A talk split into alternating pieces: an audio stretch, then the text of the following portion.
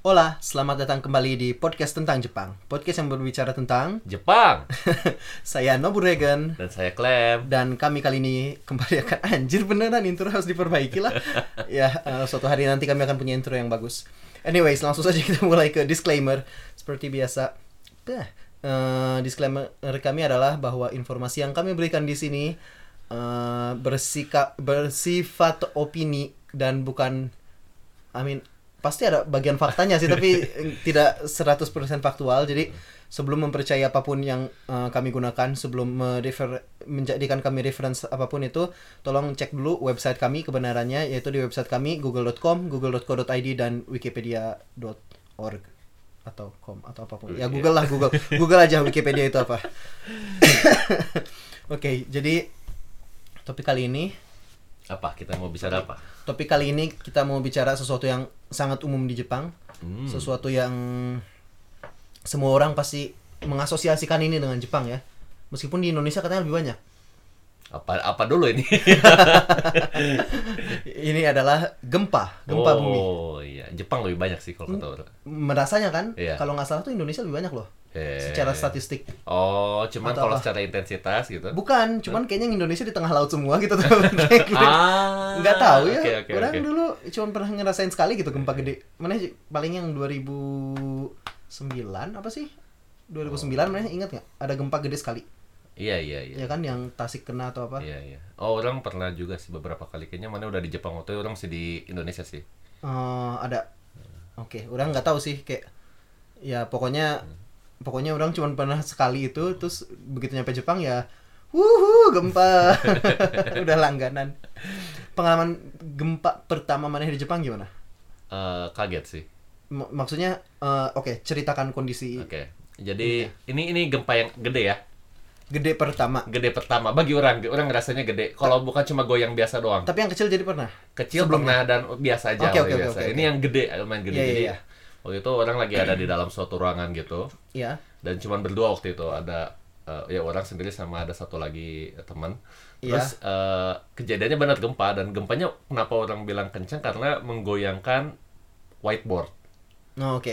Whiteboard sampai goyang bukan dan menggoyang bumi Jogja atau biasa tuh cuman kayak oh ini gempa ya kayak kerasa goyang gitu doang. Ini tuh bendanya benda paling besar di ruangan waktu itu Ah, iya, sampai iya. goyang Oke oke oke. dan kedengar suara gitu, gitu, gitu, gitu, gitu, terus kayak Iya. oh, ini udah harus cabut kayaknya tapi Terus? diketawain sama orang Jepang. Sama orang Jepang. Karena mana cabut. Mana apa masuk kolong Eh, meja atau apa enggak, gitu? enggak, enggak, orang udah udah berdiri dan mau keluar Ah. terus kayak mau ke mana Vin dan ini ini enggak keluar ya Sama pengalaman orang juga mirip-mirip gitu. Orang Oh. gempa pertama goyang-goyang doang sih. Maksudnya nggak sampai besar kayak mana, tapi orang tuh kan lantai 6. Ah. Makanya tahu kan ke lantai at- makin atasnya katanya makin kerasa goyangnya kan. Hmm. Ini nggak tahu fakta nggak tahu nggak tapi orang bilang begitu dan orang lantai 6 lantai paling atas dan ya goyang lah ya maksudnya. Dan kita udah tahu kan kita sering lihat di koran bahwa oh di Jepang anak-anak SD latihan kalau ada gempa mereka masuk ke bawah meja Ya. atau baca di komik gitu kan masuk ke bawah meja gitu.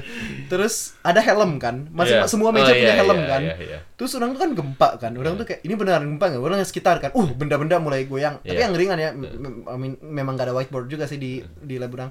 Tapi goyang kan terus orang udah kayak oh ini ambil gitu ya ambil helm Helm. dan masuk bawah meja gitu. Terus orang lihat sekitar terus kayak orang Jepang yang di sekitarnya tuh kayak dia cuma megangin aja benda di meja dia supaya nggak jatuh aja gitu.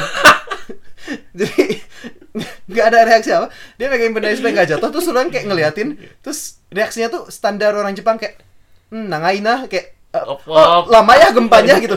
Jadi orang Jepang tuh hanya punya reaksi tuh hanya udah dan orang pun sama sekarang ya. Kalau kita Oke. ada gempa tuh kalau gempanya kecil no reaction. Hmm. lama. Hmm, lama ya gempanya. Agak besar. "Hmm, gede ya gempanya. Udah komen gitu aja kayak "Hmm, gempanya gede juga ya kali ini. Goyang goyang goyang goyang goyang goyang. Lama juga ya. Kapan selesainya ya? Goyang goyang goyang goyang gitu kan. Kayak udah nggak ada nggak ada rasa peduli apa pun sama gempa. Kita jadi agak kebal ya kayaknya. Jadi agak kebal. Tapi pas pertama orang di Jepang itu nggak nggak tahu mana mengalami apa enggak orang kena gempa kan. Hmm.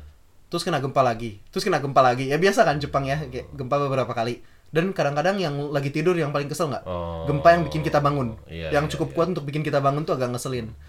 Dan orang sempet ada masa kayak agak apa ya mungkin otak orang trauma atau apa. Jadi orang kalau lagi duduk bukan duduk di kursi ya duduk di lantai gitu. Lagi duduk sila misalnya. Terus tiba-tiba tuh badan orang tuh kayak goyang-goyang. Maksudnya memang badan yang goyang aja ya karena nggak stabil atau apa mungkin ya. Jadi like, memang ngegoyangin badan dikit. Terus tuh kayak wait ini lagi gempa nggak sih? Ada sedikit trauma. Terus kayak langsung lihat sekitar-sekitar gitu kayak wah benar-benar nggak? Goyang nggak? Goyang nggak? Bodoh. Dan ini eh, mumpung kita lagi ngomongin gempa Hmm.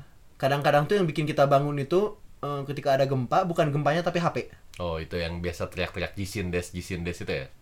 Jish- Jishin gitu ya? Jishin. kayak nggak tahu sih teriaknya apa tapi kayak jadi di Jepang ini semua HP ini terintegrasi dengan dengan apa ya? Dengan suatu sistem. Sistem ya. dengan suatu sistem di mana pokoknya HP nomor Jepang ya nggak nggak otomatis begitu beli udah terintegrasi. Terus setiap kali ada eh, yang agak ber- berbahaya gitu yang gempa besar banget yang potensi potensi apa ya? Maksudnya yang skalanya cukup besar eh, yang bisa bahaya si akan dikirim peringatan ke semua HP dan si HP-nya tuh bakal langsung bunyi gitu udah nggak perlu jam berapa juga terus prr, prr, prr, atau apa ya kayak iya kayak ngomong Jishin Des atau apa ya. Jish- by the way Jishin itu gempa. Terus ya membangunkan semua orang. Hmm. Tapi biasanya langsung tidur lagi setelah bangun. tergantung. Awal-awal masih kaget dulu. Oh iya. lama awal- lama-lama tuh kayak ah cicing anjir kayak reksa deh. Ya, ya apalagi kalau malam-malam ya. Iya jam 2 kan kadang-kadang dua, kan iya. jam 2 jam 3 kayak dan nggak hanya gempa Apalagi angin angin. Oh. angin kenceng hujan kenceng ya kayak yang agak bahaya oh ya kalau rawan longsor kalau nggak salah juga ada ketika lagi ada hujan besar terus ada rawan longsor orang saya pernah dapat gitu loh Ada yang Peringatan. lain juga sih. apalagi Roket. Oh orang lagi nggak di Jepang Oh, waktu itu lagi Jepang, ya. orang lagi nggak di Jepang ada ya yang North Korea Iya, gitu ya iya, yang iya, iya. pas ada roket Roket lewat di atas. Iya iya iya iya, orang lagi nggak di Jepang terus orang liat Facebook terus teman-teman tuh semua pada wah ada roket lewat wah jam 6 pagi ada Iya, iya, ini iya. gitu kan semua orang Itu bingung karena dia teriaknya bukan jisin jadi apa ya? oh, mana nggak ngerti ya ngomong apa gitu ya Iya. aduh itu mana lagi di sini Lagi di sini. oh bodoh juga ya memang kayak Tapi ya gitu. Iya, jadi ini konteksnya adalah ini tahun 2017 sempet ada eh, Korea Utara itu tes testing testing roket jarak jauh. Dan salah satunya tuh lewat daerah kami ini. Dan lewat doang kan ya ke laut Lewat ya ke laut iya. Samudra Pasifik ya jatuhnya mah. Cuman ya otomatis ya ada peringatan dari pemerintah. Dan sebelumnya tuh sedikit sebelum itu tuh memang no- si Korea Utara lagi banyak nyoba-nyoba. Perasaan u- orang dapat pamflet gitu apa yang harus dilakukan Oh. ke sana Oh, iya, nyerang iya, roketnya iya, kan? iya, kayak ada, ada, ada, jangan ada, keluar masuk ke dalam gedung bangunan Iya, yang kuat iya. gitu kan yang kayak gitu-gitu ya. Iya memang. Terus jadi gempa gempa udah biasa. Terus oh ini jadi di Jepang jadi gempa ini biasa sampai orang-orang udah nggak ada yang peduli. Ya literally udah nggak ada yang peduli kayaknya kecuali kalau benda-benda mulai jatuh dari atas baru orang mulai nyumput deh ya Mungkin ya. Ya, maksudnya gempa yang 311 kan yang 2011 eh, Mar- 11 Maret 2011 kan besar banget.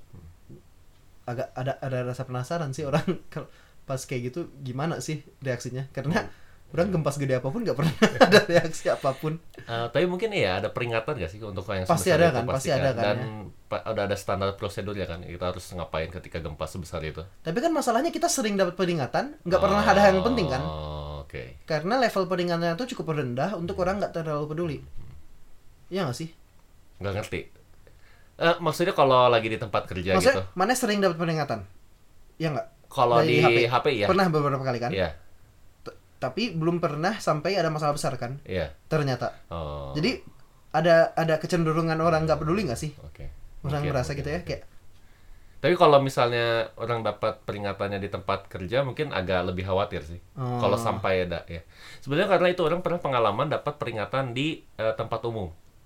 oh di mana oh, Di subway. lagi mana lagi subway Iya. terus ada gempa gitu Ada peringatan, ini mau ada gempa, ya ada gempa gitu. oh Terus iya iya iya apa yang harus orang lakukan? berdoa berdoa cuy. Ini adalah hari-hari termane Terus ya biasa lihat sekeliling pada biasa ya ya udah.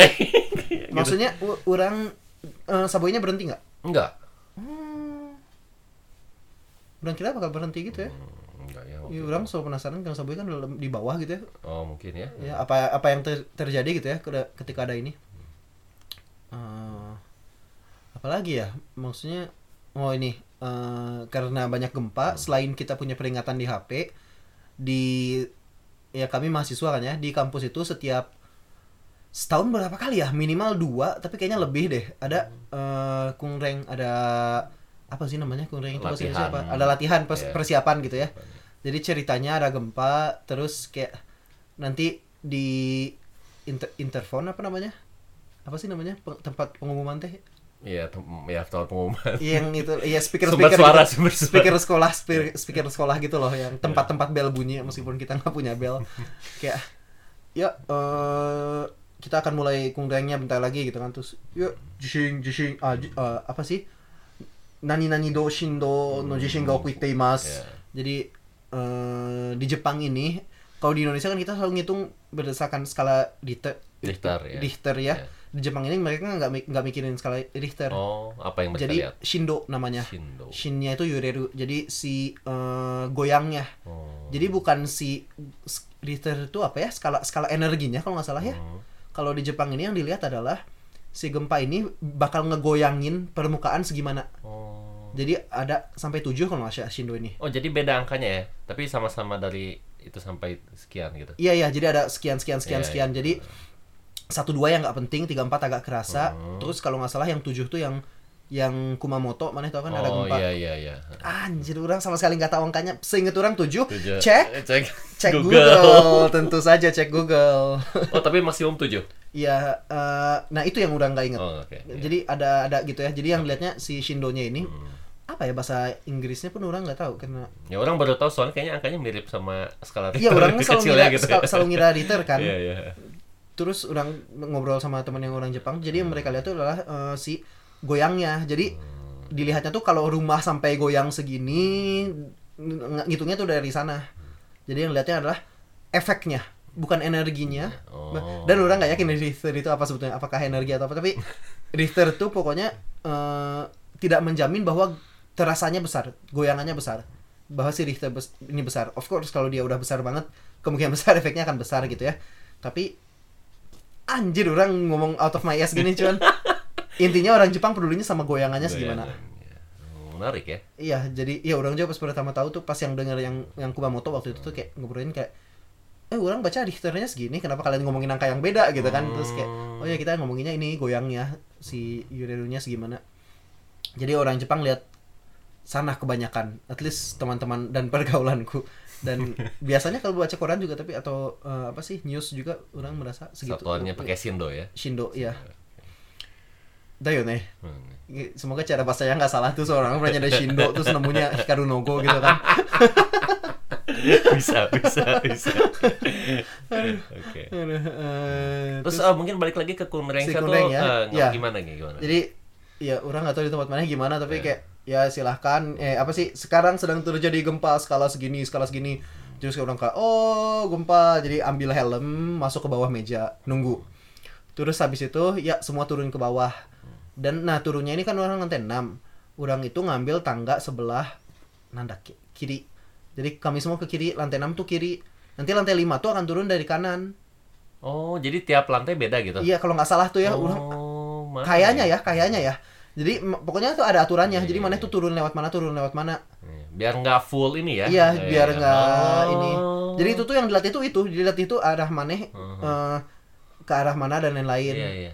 terus eh, nutup jadi ada terutama untuk kebakaran ini tuh jadi di masing-masing lantai itu Hmm. tangga ini kan eh, jadi untuk ngebayangin untuk orang mau ngebayangin tuh ini anggap suatu kotak Hmm. gedung orang ini nah tangga tuh ada di paling ujung paling jauh Hmm. Dua ujung paling jauh. Eh, dan jadi tangga ini nggak nggak ada di tengah ya? Tangga ini kayak kayak kayak tangga kabur aja kayak apa sih namanya tangga kabur tuh? Tangga evakuasi. tangga evakuasi. Dua-duanya bentuknya tangga evakuasi ada di kanan satu di kiri satu.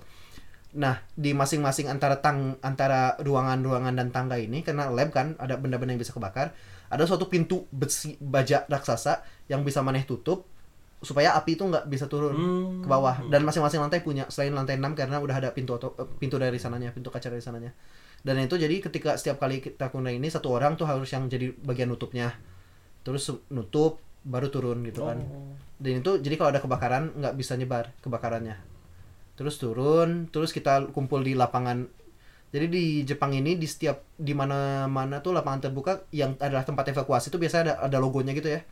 Kalau ada apa-apa lari ke sini, kalau ada tsunami kabur ke sini, kalau ada apa kabur ke sini. Jadi sehari-hari orang udah biasa lihat itu, terus kita jalan ke sana. Terus karena di sekolah nanti di absen teh per, per lab kan. Gimana hadir semua nggak? Dan biasanya akan juga ada SMS yang dikirim ke atau Pusat, email ya. email dari ini kan nanti mana harus bales gimana keadaan mana selamat atau apa gitu terus kalau nggak bales nanti dia ngirim lagi terus ngirim lagi terus ngirim lagi Dan harus segera dibalas. Iya. mana gimana pengalaman kuning gitu Eh, menarik ya soalnya mungkin karena di tempat mana banyak sekali perlengkapan dan peralatan yang Iya, iya, iya. apa ya istilahnya berbahaya. I mean ya, ya kalau terjadi gempa bisa jadi Iya bahaya kan. eh, kalau di orang sih standar aja ya, cuman udah keluar dan tadi menarik karena mana bilang ada satu orang yang harus nutup pintu besi itu. iya iya Ya udah nggak ada yang begituan, cuman kabur aja. Cuman eh, mungkin yang menarik tuh pengalamannya tuh apa ya? Kalau kita itu jadi kayak role play, Eh, kayak ada eh, staff tata usahanya yang role play. Oh ini nggak boleh pakai lift, semua harus pakai tangga. Ada yang mengarahkan kayak gitu. oh tapi memang harus pakai tangga kan Iya iya iya iya. Mungkin waktu itu nggak ngerti karena di di tempat orang banyak orang asing nggak ngerti juga. Terus eh, yang menariknya itu ya ini pengalaman sih. Jadi kayak orang-orang Jepangnya kayak ah apa sih, aduh capek lagi lagi kerja kenapa harus ke Indonesia. oh iya iya iya orang bahkan pernah lagi kelas saya si dosennya Oh. dosennya orang asing lagi kan kayak ya nah itu kira no kayak kayak agak kesel gitu. Iya cina. Ah waktu kelasku habis gitu. Ya udahlah gitu. Oh beda ya kalau orang staff ada staff pengajar yang ya bukan orang Jepang malah lebih serius gitu. Kayak oh kita harus ini harus serius kita. tergantung orangnya nggak sih? Tergantung orangnya ya. tapi ya. Terus eh, ya orang nggak ada yang kayak gitu walaupun sama ya ada dua tangga. Tapi orang setahu seingat orang nggak ada dipisah kiri kanan mungkin karena jumlah juga ya di tempat orang kan nggak sebegitu banyak ya. nggak tahu orang mungkin salah karena Oh, oke. orang dari lantai 6 ya selalu turun terakhir cuman orang teh asa pernah inget pernah dengar gitu kayak bahwa beda-beda Hmm. Itu gunanya kureng ya mungkin orang salah yang teman-teman segedung orang mungkin bisa ngasih tahu. Tapi iya sama di bawahnya nanti kumpul di lapangan terus di absen. Dan di absennya eh, lebih terstruktur maksudnya per kayak lab gitu kan? per lab ya, Iya, jadi lebih ini gampang. sama per lab juga. Jadi ada penanggung jawabnya gitu kan. Tapi gimana ya walaupun kayak Kunren ini ya mungkin apa ya istilahnya kalau orang pengalaman orang Iya. beberapa kali ini kayak main-main ya. iya memang I mean kayak ah, Tapi eh, orang ngerasa berguna nggak sih? Kayak pada saat eh, kejadian nyatanya itu kita udah ada iya, iya, iya. gambaran ada apa sedikit ya? gambaran lebih lebih jadi ada sedikit pun ada yang udah ter- terotomatisasi gitu ya jadi daripada nol sama sekali kayak wah panik total mending oh ya udah minimal gue tangga ini ya udah. Iya, ambil helm, turun lewat tangga, jangan Iya. terburu-buru, kumpul di lapangan, terus Iya. laporan kayak. iya terus ini eh, menarik jadi yang tadi yang udah bilang yang dosen yang asing itu terus dia Hmm. kayak terus udah itu ya udahlah dia masuk mode kunren gitu kan terus dia ngasih kita ilmu sangat bermanfaat ini mana tahu nggak jawabannya sananya malah lagi di lift Hmm. terjadi gempa besar Oh. mana harus pencet tombol lantai berapa Tombol lantai bukannya emergency ya, nggak tahu. emergency itu kan untuk nelpon Oke, oke. Mana lagi di Oh, lift? ini gempa Iya. apa yang harus mana lakukan Pencet semuanya. ya Oh, yay. persis pencet semuanya karena Nanti apa gitu, nggak ngerti ada efeknya, nggak ngerti apa. enggak enggak enggak enggak, enggak. bukan bukan lift tiba-tiba bisa terbang cuy mana pikir apa transformer Mazinger bukan gitu.